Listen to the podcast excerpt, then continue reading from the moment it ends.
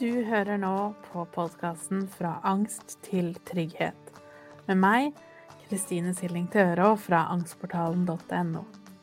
I denne podkasten skal vi snakke mer om hva angst er, hvordan du kan utfordre den, og hvorfor trygghet er så viktig.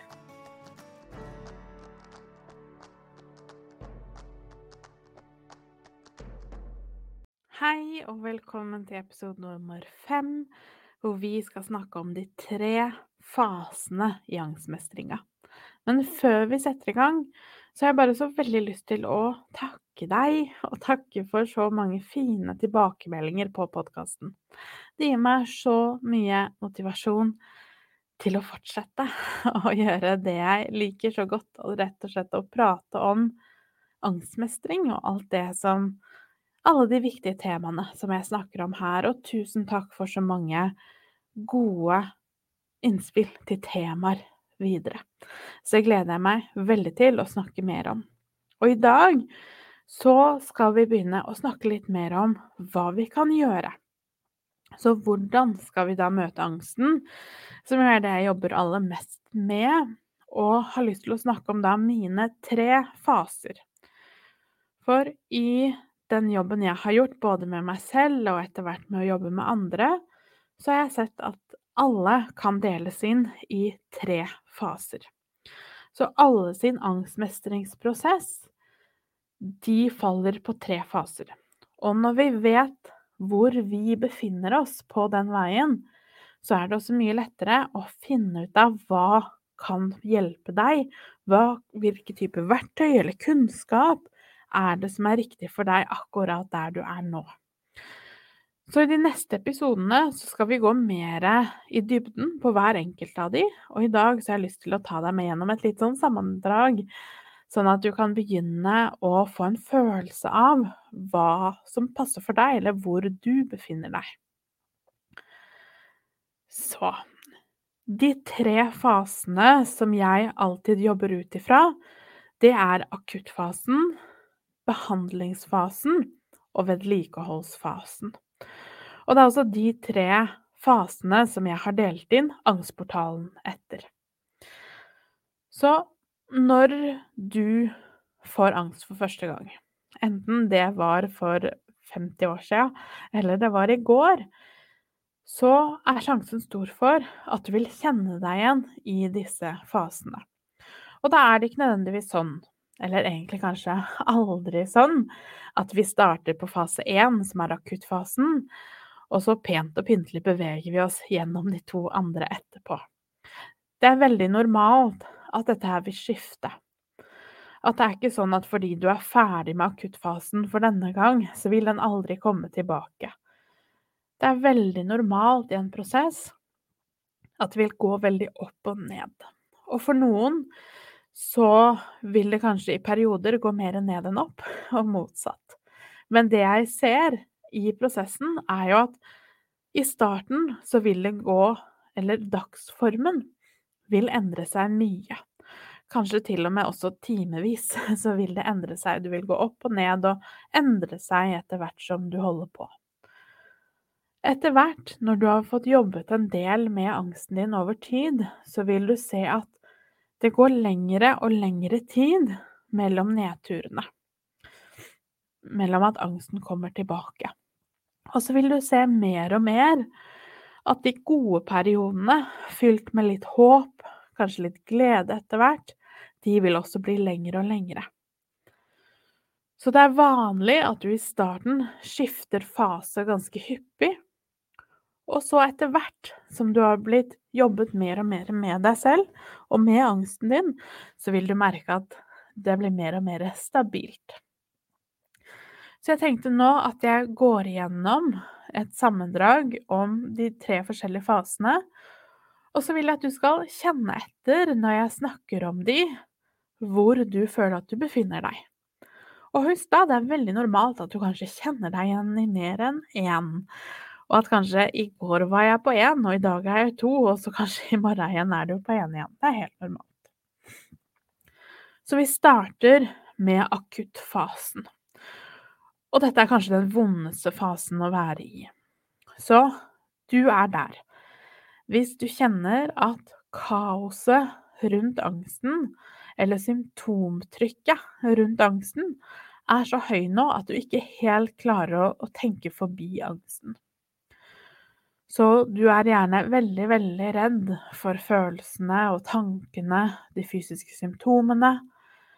Alt er litt sånn voldsomt. Enten dette er første gangen du har kjent på angst, at det kom plutselig som et panikkanfall, eller det har bygget seg litt opp over tid, men at du egentlig ikke helt har villet legge merke til det. Eller du har kommet deg igjen, du har hatt gode perioder, og så plutselig faller du tilbake igjen. Og du kjenner den ekstreme kaosfølelsen av at angsten kanskje mer eller mindre er der hele tiden. Så i akuttfasen så er du overvelda, du er sliten, og du er redd. Og det vi da trenger, det er jo veldig spesifikk hjelp vi trenger å vite hva vi skal gjøre, fordi vi selv ikke er i stand til å søke informasjon. For når angsten har tatt over så mye som den har gjort i akuttfasen, så er ikke den logiske delen av hjernen vår kobla på. Så vi vil ikke klare å ta til oss så mye informasjon om gangen. Vi vil veldig lett bli overvelda. Så her handler det om å jobbe konkret og lite. Fem minutter om dagen. Er du i Angstportalen, så er det jo steg én 30-dagersprogrammet som er tingen. Rett og slett hvor vi jobber fem minutter, og du får akkurat, helt konkret, beskjed om hva du skal gjøre i de fem minuttene. Så hva kan du gjøre de neste fem minuttene? I hvert fall hvis du da ikke er i Angstportalen og ikke har tilgang til det. Hva kan du da gjøre de neste fem minuttene som kan føles ok. Og husk da, og det sier jeg alltid, da handler det ikke om hva kan jeg gjøre i fem minutter som gjør at jeg føler meg trygg og rolig og glad, men hva kan jeg gjøre de neste fem minuttene som gjør at angsten min går fra en tier på skalaen til en nier.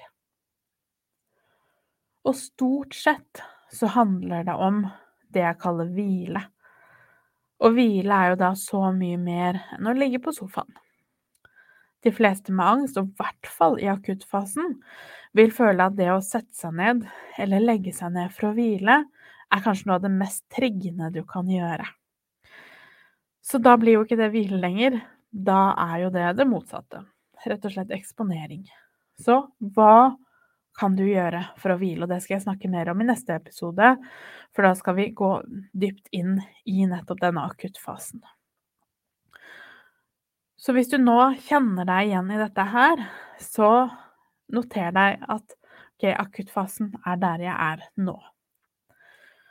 Og så, når vi da har jobbet litt med å finne roen i kroppen, og vi har jobbet med å begynne å møte følelsene litt, så begynner ting å stabilisere seg litt. Og vi har kommet til det jeg kaller for behandlingsfasen. Og det er ikke før nå vi skal begynne med eksponering og møte følelsene, tankene, alt dette her. Og for de fleste så er det kanskje noe helt annet enn det du har lært tidligere.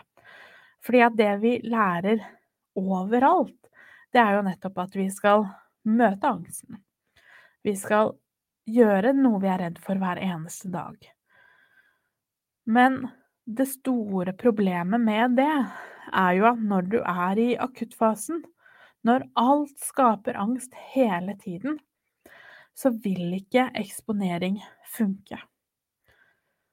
For, fordi at for at eksponering skal funke, så må vi klare å være så rolig i en situasjon at hjernen vår får beskjed om at ja, men dette var jo ikke farlig allikevel.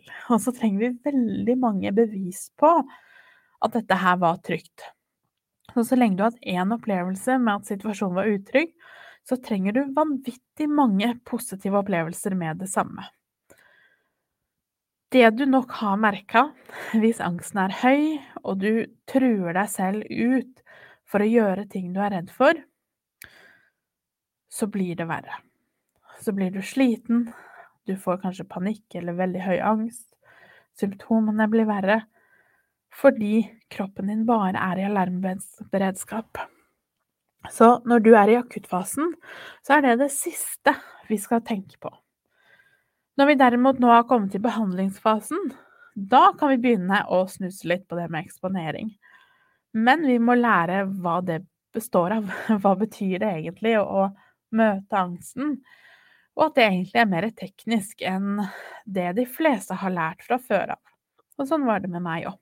Så når jeg først begynte å tenke på trygghet i eksponeringa, så gikk jo alt mye, mye lettere med en gang, istedenfor å hele tiden pushe på og tvinge meg ut i situasjoner hvor jeg aldri følte verken mestring eller trygghet.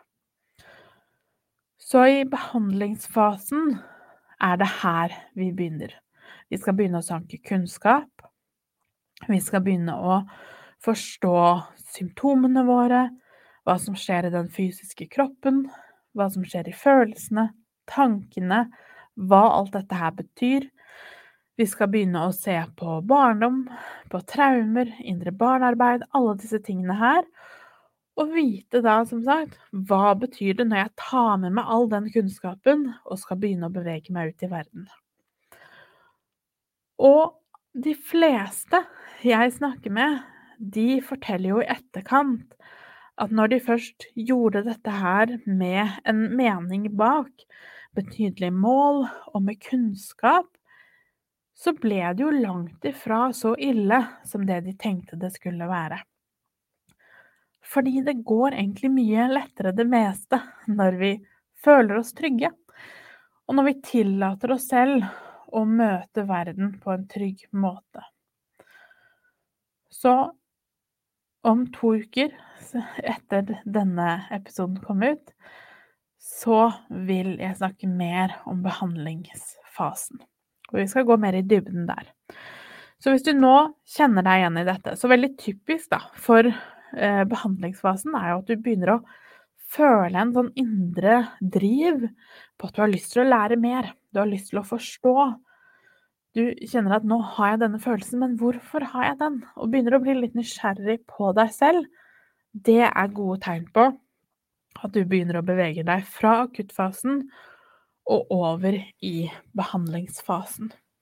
Og som jeg sa i stad, veldig normalt at det vil skifte. At du vil noen dager føle deg veldig i behandlingsfasen, og så vil du plutselig kjenne at ok, nå falt jeg litt tilbake i akuttfasen. Og det som er så ekstremt viktig da å minne deg selv på, er at dette her handler ikke om at du skal fortest mulig komme deg gjennom. Eller at du skal være flink og komme gjennom hele prosessen fortest mulig og best av andre. Best av alle. Og det er veldig normalt å tenke på det sånn, så hvis du kjenner deg igjen i akkurat det, så vit at det er helt normalt. Og kanskje også en god pekepinn på hvorfor du har angst i utgangspunktet. Så det vi snakker om her, handler aldri om at du skal være flinkere eller jobbe hardere. Heller smartere og ta bedre vare på deg selv. Så om du skifter faser, så er det helt normalt og har absolutt ingenting å gjøre med at du gjør noe galt eller ikke er bra nok på noen måter. Så tredje fase, det er vedlikeholdsfasen. Så da har du gått gjennom all kunnskapen om angsten, om følelsene, om tankene. Du begynner å føle deg litt mer på plass i deg selv. Du har utsatt deg selv for de verste situasjonene du kan tenke deg i forhold til angsten, og så har du blitt ganske god på å stå i de. Da er det vedlikehold som står for tur. Og med vedlikehold så mener jeg at vi skal da jobbe med hvordan kan vi gjøre den bedringa du har fått, varig. Det vil alltid komme nedturer. Det er helt umulig at vi på en har hatt angst, og så aldri vil vi få det igjen. Fordi at sannsynligheten er ganske stor for at når du møter livet, rett og slett, når ting skjer i livet ditt framover, som du jo garantert vil gjøre, så vil angsten din trigges. Om det kan være dødsfall, livskriser, endringer, så vil du reagere med en angstrespons. Og det er helt normalt. Og det avgjørende da, det er jo nummer én at vi vet at det kommer til å skje. For sannsynligheten er ganske stor for at første gangen du fikk angst, så ble det så sterkt som det gjorde fordi du ikke hadde noe forhold til angst fra før av. Så du tenkte at nå blir jeg gal, nå kommer jeg aldri til å få det bedre igjen. Dette er fullst kjempeunormalt at jeg har det sånn jeg har det. Men vit da at alt det stemmer jo ikke. Så vedlikehold handler om hvordan vi kan øve på lang sikt, hvordan vi kan møte oss selv og følelsene våre når helt nye situasjoner dukker opp. Er du i Angstportalen, så vil jeg absolutt anbefale deg å gå inn på vedlikeholdskurset og benytte deg av den 90 dagers planleggeren som ligger der, hvor jeg over 90, grader, nei, 90 dager viser deg hvordan du kan jobbe med alt dette her ved å være strategisk og ta vare på deg selv og være litt føre var, er egentlig alt det handler om. For igjen, grunnen til at du fikk angst i utgangspunktet, var sannsynligvis at ting gikk altfor langt. Og ting pågikk over lang tid uten at du engang visste om det. Så når vi nå skal begynne å møte oss selv på en ny måte, så trenger vi å øve på hvordan vi da kan ta vare på oss selv, når livet kanskje ikke alltid bare er helt en dans på roser, som det jo sjelden er. Så hva kan du gjøre for å gjøre livet ditt litt mer stabilt, og gjøre deg veldig robust og klar for å møte det som skjer videre? Så vedlikehold handler om deg.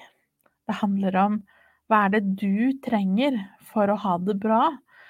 Hvilke behov er det du har som du trenger å ta på alvor, som du kanskje ikke har tatt på alvor før? For de fleste med angst synes jo det er vanskelig. Og det er altså veldig vanlig å ikke engang vite hva de behovene skulle ha vært.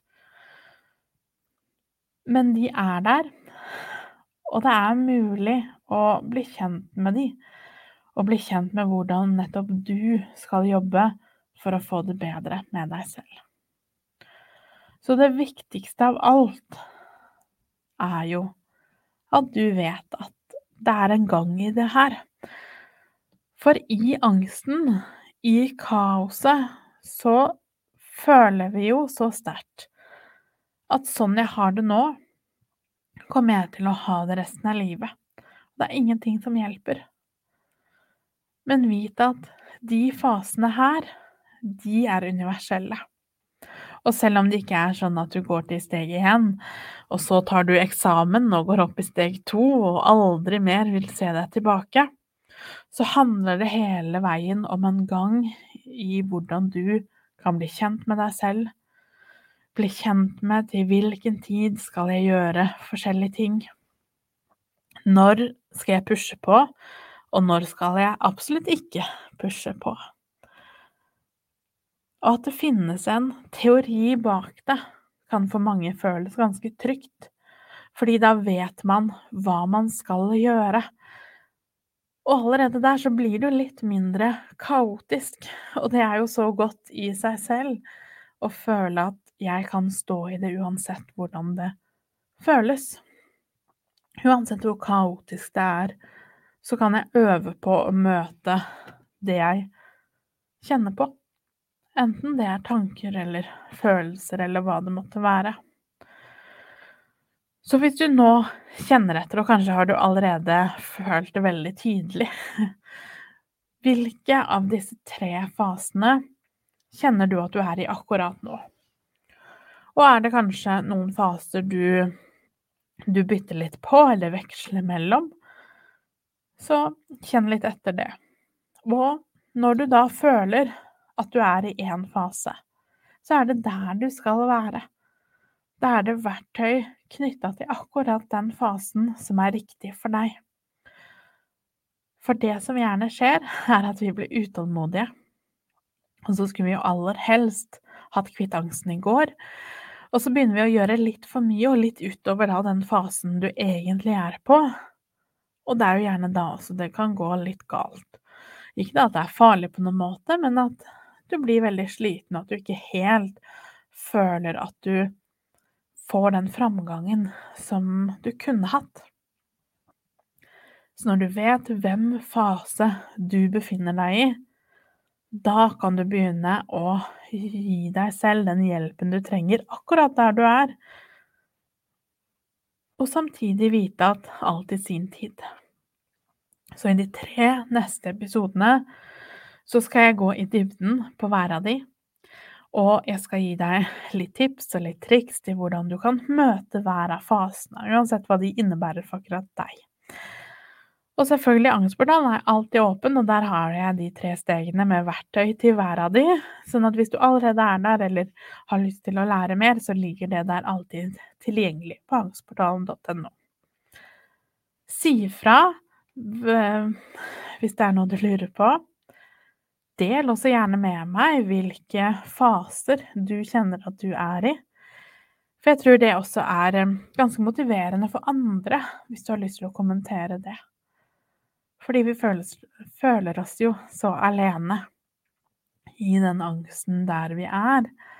Så det å høre at andre også er i fase én, eller det veksler kanskje mellom fase én og fase to, så gjør det det også litt lettere for andre å, å stå i egen angst. Så ta godt vare på deg selv. Som jeg sa i starten, tusen, tusen takk for så mange fine tilbakemeldinger. Jeg blir så utrolig glad av å høre at det jeg sier her, kan hjelpe deg på noen måte. Så ta godt vare på deg selv. Gjør det du trenger for å ha det bra, i hvert fall så bra som mulig akkurat nå. Og husk det er trygt, og det er greit, og det kommer til å bli bedre, og det kommer til å bli lettere. Ha en fin dag. For å lære mer om angstmestring og mine metoder, så går du til angstportalen.no. Du finner meg også på Instagram som Angstpedagogen, og på Facebook som angstportalen.no. Der har jeg også en gratis Facebook-gruppe hvis du har lyst til å komme i gang og bli kjent med andre som har det på samme måte.